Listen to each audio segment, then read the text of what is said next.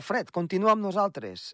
Hi ha hagut ventades, nevades fortes, molt baixes temperatures. I atenció, perquè aquests propers dies, i a més a termini, les temperatures no tenen ganes de pujar massa. I fins i tot pensem que alguna que altra sorpresa hi podrà haver en aquestes properes setmanes. Comença el torn.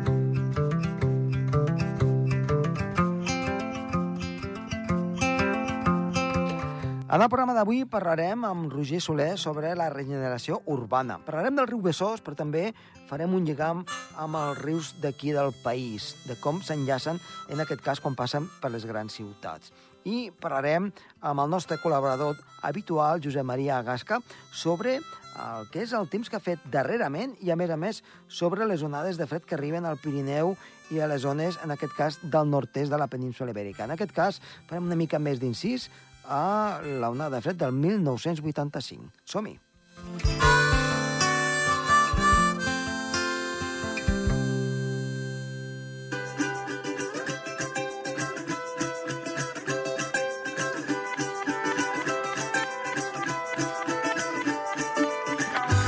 En el programa d'avui tenim el meteoròleg Roger Soler. Roger, molt bona tarda. Què tal? Bona tarda, Josep. Moltes gràcies per tornar a estar aquí amb nosaltres al programa Tor. I avui ens portes un tema que aquí al país també és molt important. És important també doncs, a la zona on et trobes, que és a, doncs, a la conurbació de, de Barcelona. I ara explicarem el per què. Perquè avui parlarem de la regeneració urbana. Doncs sí, efectivament, regeneració urbana, que sembla un concepte molt llunyà, molt tècnic, però que en el fons afecta eh, la rutina, el dia a dia de les persones i també els sistemes oberts, els espais naturals, etc. Eh, podríem definir la regeneració urbana com eh, tot aquell conjunt de propostes, actuacions, intervencions en el territori, a la pell del territori, que cohesionen els barris, connecten diferents uh, parts del teixit urbà, milloren la ciutat construïda, uh, rehabilitació d'edificis, uh, transformació també d'espais naturals amb revegetació, replantació d'espècies, uh, convertir espais, diguéssim, degradats o zones intersticials en uh, espais d'ús públic, um, transformar l'ús públic i l'espai públic uh, cap a zones amb més qualitat ambiental, cap a zones amb més diversificació d'usos, també la millora dels polígons industrials, uh, l'impuls a l'habitatge públic, són un conjunt de mesures que, això, provoquen un increment de la qualitat de vida de la gent, un increment de la millora paisatgística i dels espais oberts, naturalitzen la ciutat, naturalitzen l'àrea metropolitana i, a més, també eh, reactiven i dinamitzen a nivell econòmic doncs, tot el sector. Es tracta, Josep, eh, d'un pla, d'una estratègia metropolitana de 500 milions d'euros en un termini, en un horitzó d'uns 10 anys, això per regenerar, cohesionar i impulsar l'est del Besòs. Tots els oients eh, del Principat d'Andorra que ens estan sentint probablement han baixat per la C58 cap al nus de la Trinitat, han entrat a Barcelona per la zona de la, de la Maquinista. Tota aquella zona eh, té diferents problemàtiques, eh, diferents conjuntures de fragmentació territorial, hi ha una superposició d'infraestructures molt important, ferroviària, autovies, autopistes, moltes carreteres que, en el, que el que fan és trinxar i segregar, segmentar el territori i el que pretén aquest pla és superar totes aquestes barreres, totes aquestes infraestructures per incrementar la permeabilitat, per connectar millor els diferents espais, d'acord? Um, ocupa una superfície de, de 60 quilòmetres quadrats, aquest territori, viuen 450.000 persones i està conformat pels municipis de Badalona, Montcada i Reixac, Santa Coloma de Gramenet, Sant Adrià de Besòs i també els barris eh, de Barcelona colindants amb el riu Besòs, que serien Vallbona, Trinitat Vella, Baró de Viver i el barri del, del Bon Pastor quin, quines serien més en concret totes aquestes propostes? Com dèiem, no? com a idees generals es basen en aquesta integració urbana, en aquesta connectivitat, la recuperació ecològica i paisatgística del riu, la protecció i sobretot resiliència, preservació de la franja costanera del litoral metropolità i rehabilitació i reactivació econòmica, i així com l'impuls de l'habitatge protegit. Vols que entrem una mica més en detall de quines són les intervencions proposades? Sí, perquè, a més a més, amb tot això que estàs explicant, eh, ho veig una mica reflectit també en aquí en el territori, en la seva mesura, en el que és el Principat d'Andorra, no? Després dels aiguats del 82, la situació, doncs, es tenia que reestructurar una mica, la llera del riu, eh, això que dius de les connexions, amb la fabricació doncs, eh, de noves infraestructures, tot això doncs, té molt a veure amb el que, amb el que tu estàs explicant. Per tant, continua doncs, amb, el que, amb el que ara doncs, em, anaves, em anaves a apuntar. Perfecte. Doncs eh, mira, es proposa en primer lloc mm, aquesta, aquesta millora de les infraestructures existents per això, connectar els barris i que carreteres com la C31 que passa per Badalona, que exerceix de barrera, doncs que aquesta, aquest tall pugui esdevenir alhora un connector. No? De quina manera? Doncs eh, fer més amable aquesta infraestructura amb la finalització de les calçades laterals, remodelar sis nusos de passos subterranis perquè els diferents veïns puguin creuar d'un barri a l'altre i no tinguin allò una, una barrera, un obstacle, un obstacle territorial, i també implementació de pantalles eh, entre Badalona i Sant Adrià per reduir l'impacte acústic. En segon punt, connexió dels marges del Besòs, sobretot per la mobilitat sostenible, la mobilitat que en diuen TOBA, vol dir per anar a peu i per impulsar també l'ús de, de la bicicleta, no?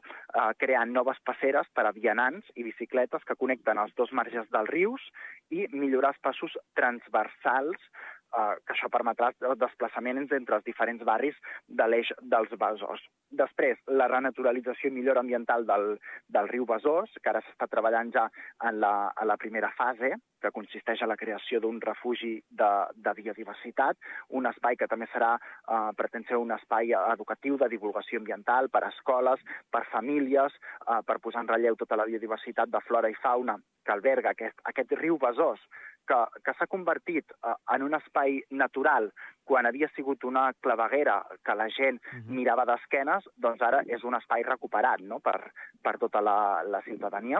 També et vull comentar, Josep, la descontaminació de les platges de Sant Adrià de Besòs i, i Badalona, entre el port i la desembocadura.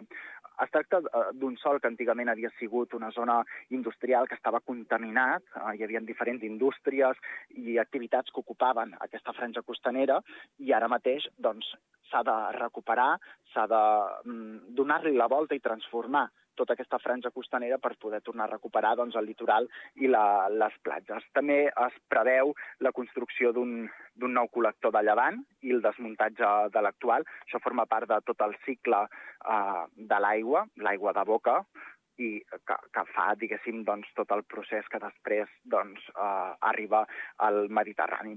I eh, ja aniríem acabant amb la rehabilitació de, de diferents polígons industrials, com per exemple eh, el planejament urbanístic no? de, de nous sectors d'activitat a les noves necessitats de la indústria 4.0, relacionades també amb la tecnologia, rehabilitar els, els polígons amb serveis urbans, eh, reurbanitzar els eixos eh, viaris estructurants que ara mateix, doncs, diguéssim, es troben desestructurats, i millorar la, la compatibilitat, per exemple, amb l'associacionisme empresarial. I, finalment, eh, la rehabilitació d'habitatges del barri del Besòs, és a dir, tenim ja habitatge construït, eh, pisos construïts que eh, en el seu temps doncs, no tenien, eh, diguéssim, suficients aïllaments, ascensors, doncs es vol potenciar l'eficiència energètica i també l'accessibilitat d'aquests habitatges, i també noves promocions d'habitatge en protecció oficial a tota la zona del, del Besòs amb la construcció en total d'uns eh, 1.039 habitatges que en aquest cas faria l'àrea metropolitana de Barcelona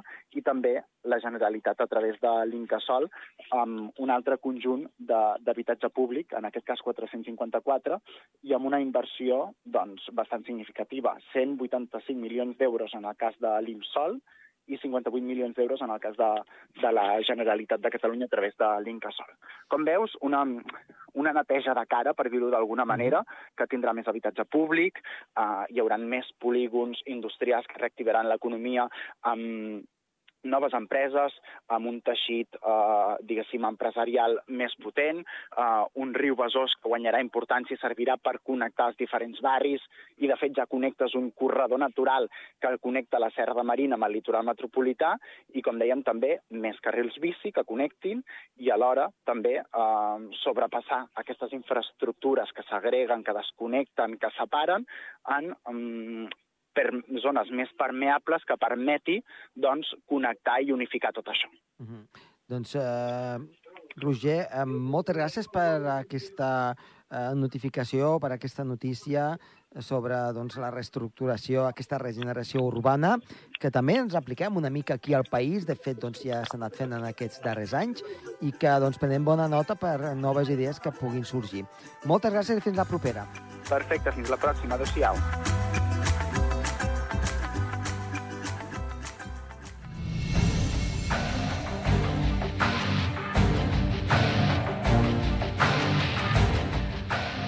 A l'entrevista d'avui tenim en Josep Maria Gasca, meteoròleg de la zona de Coi de Nargó i també una de les persones aquí habituals, un col·laborador habitual del programa Torb i que volem saludar.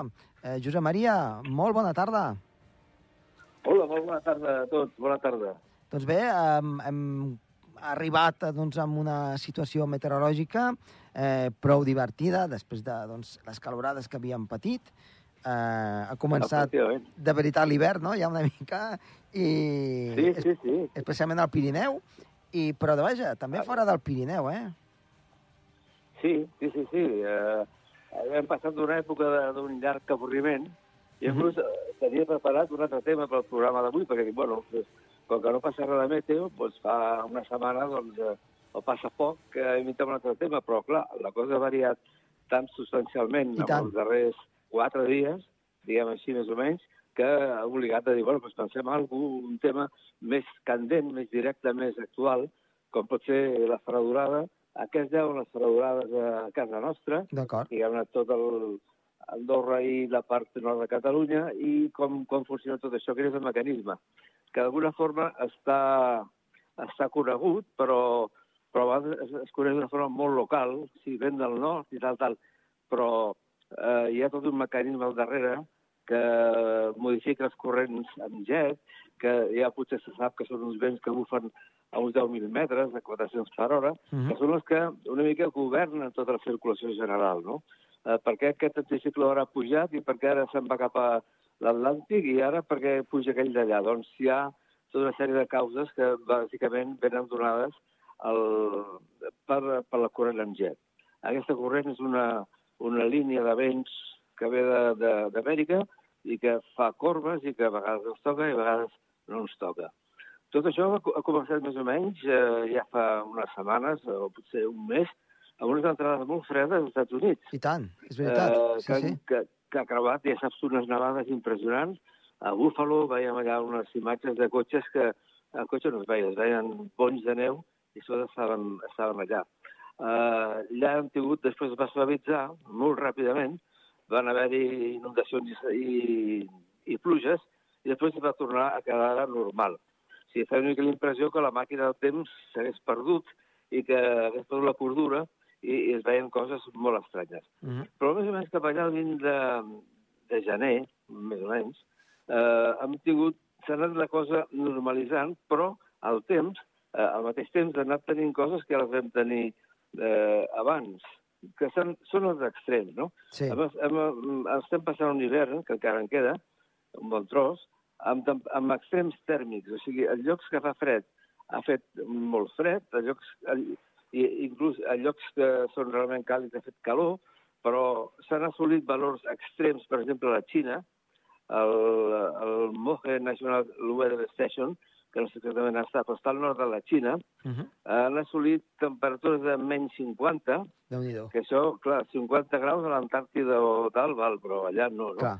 Uh, aquí, l'última vegada que he tingut aquest valor de 50 sota zero va ser el febrer de 69. Vull dir que estem parlant ja de molts anys, de, de 30, eh, quasi 40, 31, uh -huh. sí, 44 anys, no? I, per exemple, l'altre dia, el mateix dia 20 o 21, a Bucarest, a Romania, dona 21 graus positius, que són uns 15 graus superior al valor normal. O sigui que, i, i la cosa estava com a molt, molt boja, perquè la península ibèrica, a Galícia i Portugal, estaven en valors de pluja de 2.000 litres, sí. metre quadrat, el, de l'any 22, quan aquí el normal, vull dir, a partir de 700 ja, ja, ja està bé. Estàvem parlant de 2.000. Aquí la, la decoració ha canviat, eh, hem anat amb una altra dinàmica l'anterior era circulació, el que se'n diu zonal, o sigui, la circulació que va pel, pels paral·lels, que ve, diguem-ne, aguda, i hem passat a una, eh, una eh, circulació meridiana amb vents de nord, en aquest cas, uh. -huh. seguint els meridians, i que ens ha portat doncs, un canvi total, d'un temperat suau, humit atlàntic, a una situació eh, continental, freda, amb vents que giren, ara són àrtics, ara són més continentals, que van girar en direcció, diguem-ne, a Alemanya, el seu origen, i, i clar, ens ha portat uns canvis sobtats en pocs, dies, en pocs dies. I això va recordar eh, les, les atraccions continentals, que són les que aquí a Andorra i Catalunya i la Mar Nord ens porten més fred, que són les, les ja parlem de valors ja de, de 15 sota zero o més, no? Uh -huh. I n'hi ha hagut unes quantes durant el nostre període vital. eh, algunes Clar. me les me n'han escapat, però no. Eh, eh, parlem de fredurades a l'any 85, per exemple, que és un any... Sí? No, sí, el tant. 85. Sí, sí, l'any El 85. 82 vam tenir la, els aiguats de, uh Mhm. del Segre Sí, i tres anys després vam tenir la, la la no? fredurada. Fredurada que va causar danys, molts danys, eh? Eh, Recordo que a Coll de Nargó, a casa, les tasses del vàter es van trencar, o sigui, l'aigua que hi havia dintre del sifon es va congelar i es va esbarrar la tassa.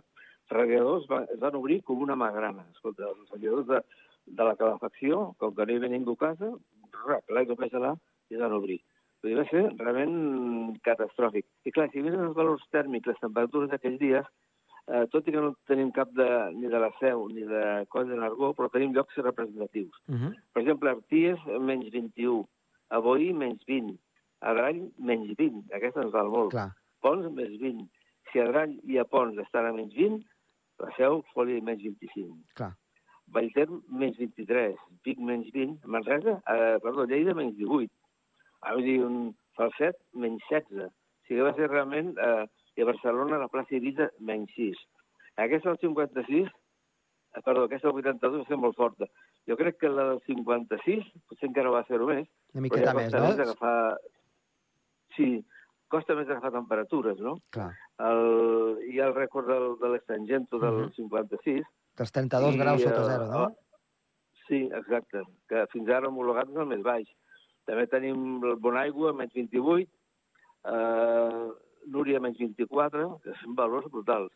Barcelona, l'aeroport, menys 6, però a Viella, menys 20, la Molina, menys 21, a Estalls de Trulló o Trulló i Port de Peguera, mm, la muntanya de Peguera sí que em sona, menys 24. Bé, aquestes situacions han sigut amb, amb entrades fredes de, de continent que s'han format, en aquest cas, per una interrupció de la circulació zonal i una, un assentament de la meridiana. Això ha, fet, això ha propiciat que l'anticicló atlàntic creixés molt cap al nord, o sigui que manté la seva base una mica al nord de les Açores, sí, Sí. alguns quilòmetres, potser 800 o 20 quilòmetres, però vull dir, està en aquella zona, i la, la cúpula, la punta, se'n va cap a Escandinàvia. D'acord, o sigui, Aleshores, es fica per damunt, per damunt d'Europa, diguem-ne, no? Per la banda Sí. nord. Exacte. Més sobre l'aigua, diguem-ne, de les illes britàniques cap a Escandinàvia, amb aquella situació, diguem-ne, inclinat com si caigués sobre Europa, Mm. i allà enllaça amb, el, enllaça amb el rus, que aquell és el fred, fred De veritat. És un, està, sí, allà hi ha un estancament que dura mesos i, i tens allà uns 50 hectopascals, quies, amb boires i gel. I després es pot formar, com a, com a conseqüència, aquest flux que baixa per tota Europa, diguem, en direcció de Moscou a Lisboa, a partir d'una idea mental de quin tipus de moviment és, un moviment de nord-est, i que el, a la seva dreta, té, mentre baixa, té els anticiclons, i a l'esquerra es forma una borrasca. Una borrasca o una baixa, que a principi és relativa, és poc profunda i tal, però eh, és una zona de molta formació de borrasques, eh, que se'n diu ciclogènesi, però no cal dir-ho complicat. Es formen moltes borrasques a la sortida del Roina, del Ròdano, pel fet de que el vent, a sotavent dels Alps, eh, sempre es crea depressió. Si la pressió puja a la banda de cara al vent, eh, barlovent, i baixa al darrere. Però aquí Mhm. tenim un, un factor que ajudaria a la formació de baixes. Després, l'altre factor és el, el Roina, el Ròdano, que porta un corrent molt fort de vent, perquè és... canalitza tot cap allà, no? Allà són molt, sí, molt forts.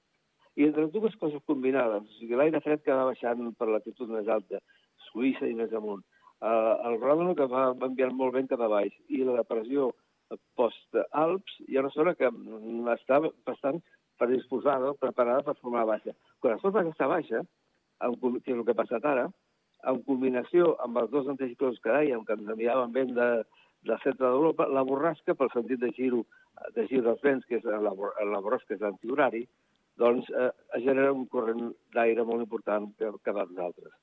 Aquesta borrasca, doncs, que tinc un mapa davant, estic veient, l'únic que el mapa és del dia 31 de gener, o sigui que del 31 de gener, avui estem a 24, falta o 25, falta una setmana pràcticament, eh, o més o menys, vull dir, ja estem una mica, una mica lluny, però la tendència és que es forma aquesta baixa, que es va alimentant, i es produeix un, una cosa bastant freqüent en aquesta situació, que és la circulació retrògrada, que, com tu saps, és quan una baixa ha passat i després torna, no? Si ha passat pel Mediterrani, ha passat, per, per exemple, golf de, el Mar Cantàbric, golf de Vizcaya, atrapa la Maceda i, i sortir per Catalunya, per Sí. fer gros. Se'n va cap a Itàlia i quan arriba a Itàlia retorna a fer part del camí. També a vegades entra per Gibraltar, o entra pel sud, o està el, el grup Balear de les Illes, se'n va cap a Còrsega, torna cap aquí. Llavors, quan torna aquí, va, va reforçada, s'ha aprofundit i, i encara força més el vent. I en aquest cas és el que em- estem vivint ara. Aquesta és la típica situació de nord. L'única, una, una de, de nord no, continental, no siberiana, perquè aquí molt sovint la gent diu, oh, no Clar. siberiana. Eh, eh, clar, és fals, dius, això. escolta, És fals, perquè mires un mapa i Sibèria, escolta, és que el que és curiós, eh, i això he anat aprenent jo no fa massa temps, és que les siberianes arriben amb més facilitat aquí a través dels Estats Units, de- d'Amèrica del Nord, diguem-ne. Eh, la siberiana s'allarga cap a Alaska, allà és una zona molt dinàmica, amb no res, està als Estats Units, eh, creu els estats i surt per l'Atlàntic a l'aire fred, eh, si el, el corrent en gel l'ajuda. Per tant, és més creïble pensar que tenim una Sí. invasió com la que vam tenir fa dies, que ve d'Alaska, Que ve d'Alaska, exacte. que, sí, que és, de fet, remotament siberiana, però ve pel camí llarg. L'altra siberiana, la que ve de Sibèria, és que, esclar, és que estem parlant d'una magnitud de, de, Clar, és que eh, enorme, no? jo no sé ni, ni si la del 56 eh, es podia dir siberiana, si va tenir la, doncs, la, la, la situació ideal perquè creués els Urals. No, justet, justet, eh? Jo no, no ho sé tampoc, però esclar, va tenir com tres tongades, Mm. i a vegades una, una va fins a cert lloc, després se'n forma una altra, que té terreny fred i, i més energia, i l'allarga una mica, Clar. i després mm, pot ser coses d'aquestes, no? que van, o les condicions inicials s'han perdut molt, perquè, clar, si arriba aquí a 6 o 7 sota 0 o 8, eh, al litoral i a l'interior doncs, estem parlant de 15 o 20 o 25, Manresa, Vic i tal, i a la zona de, de l'Urgell i Andorra, doncs, probablement 25-30, doncs clar, se, se diu que ara estarà amb el de- també, però està molt més calent que les inicials que eren 40, 50, 60, no? Clar.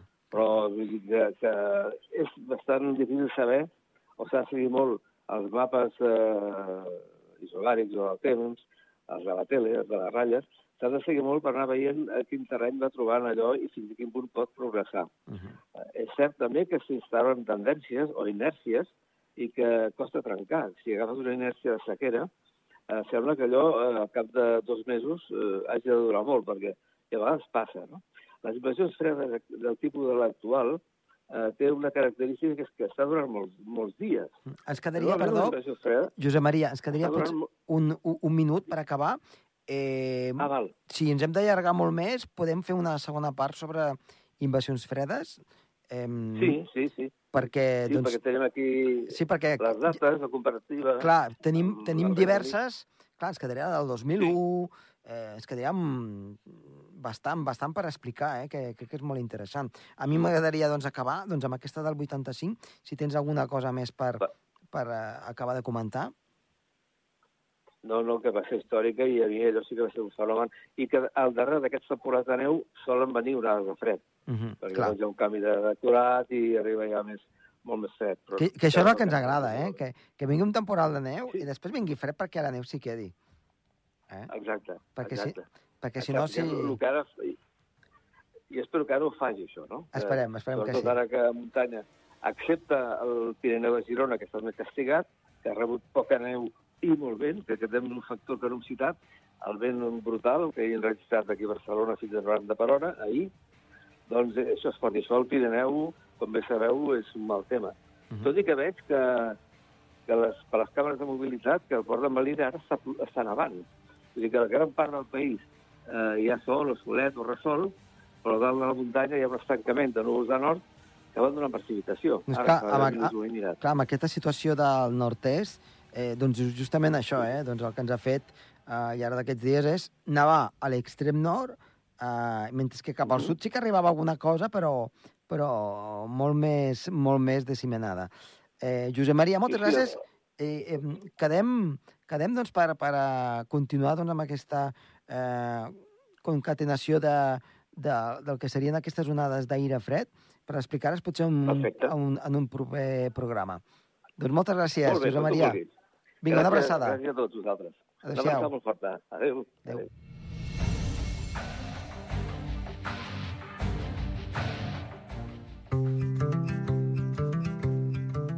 Fins aquí el programa d'avui. Esperem que els hagi agradat. Abriguin-se aquests propers dies. Està de les vies de so. David Carmona, que els ha parlat molt de gust. Josep Tomàs Bosch. Adéu-siau. Mm.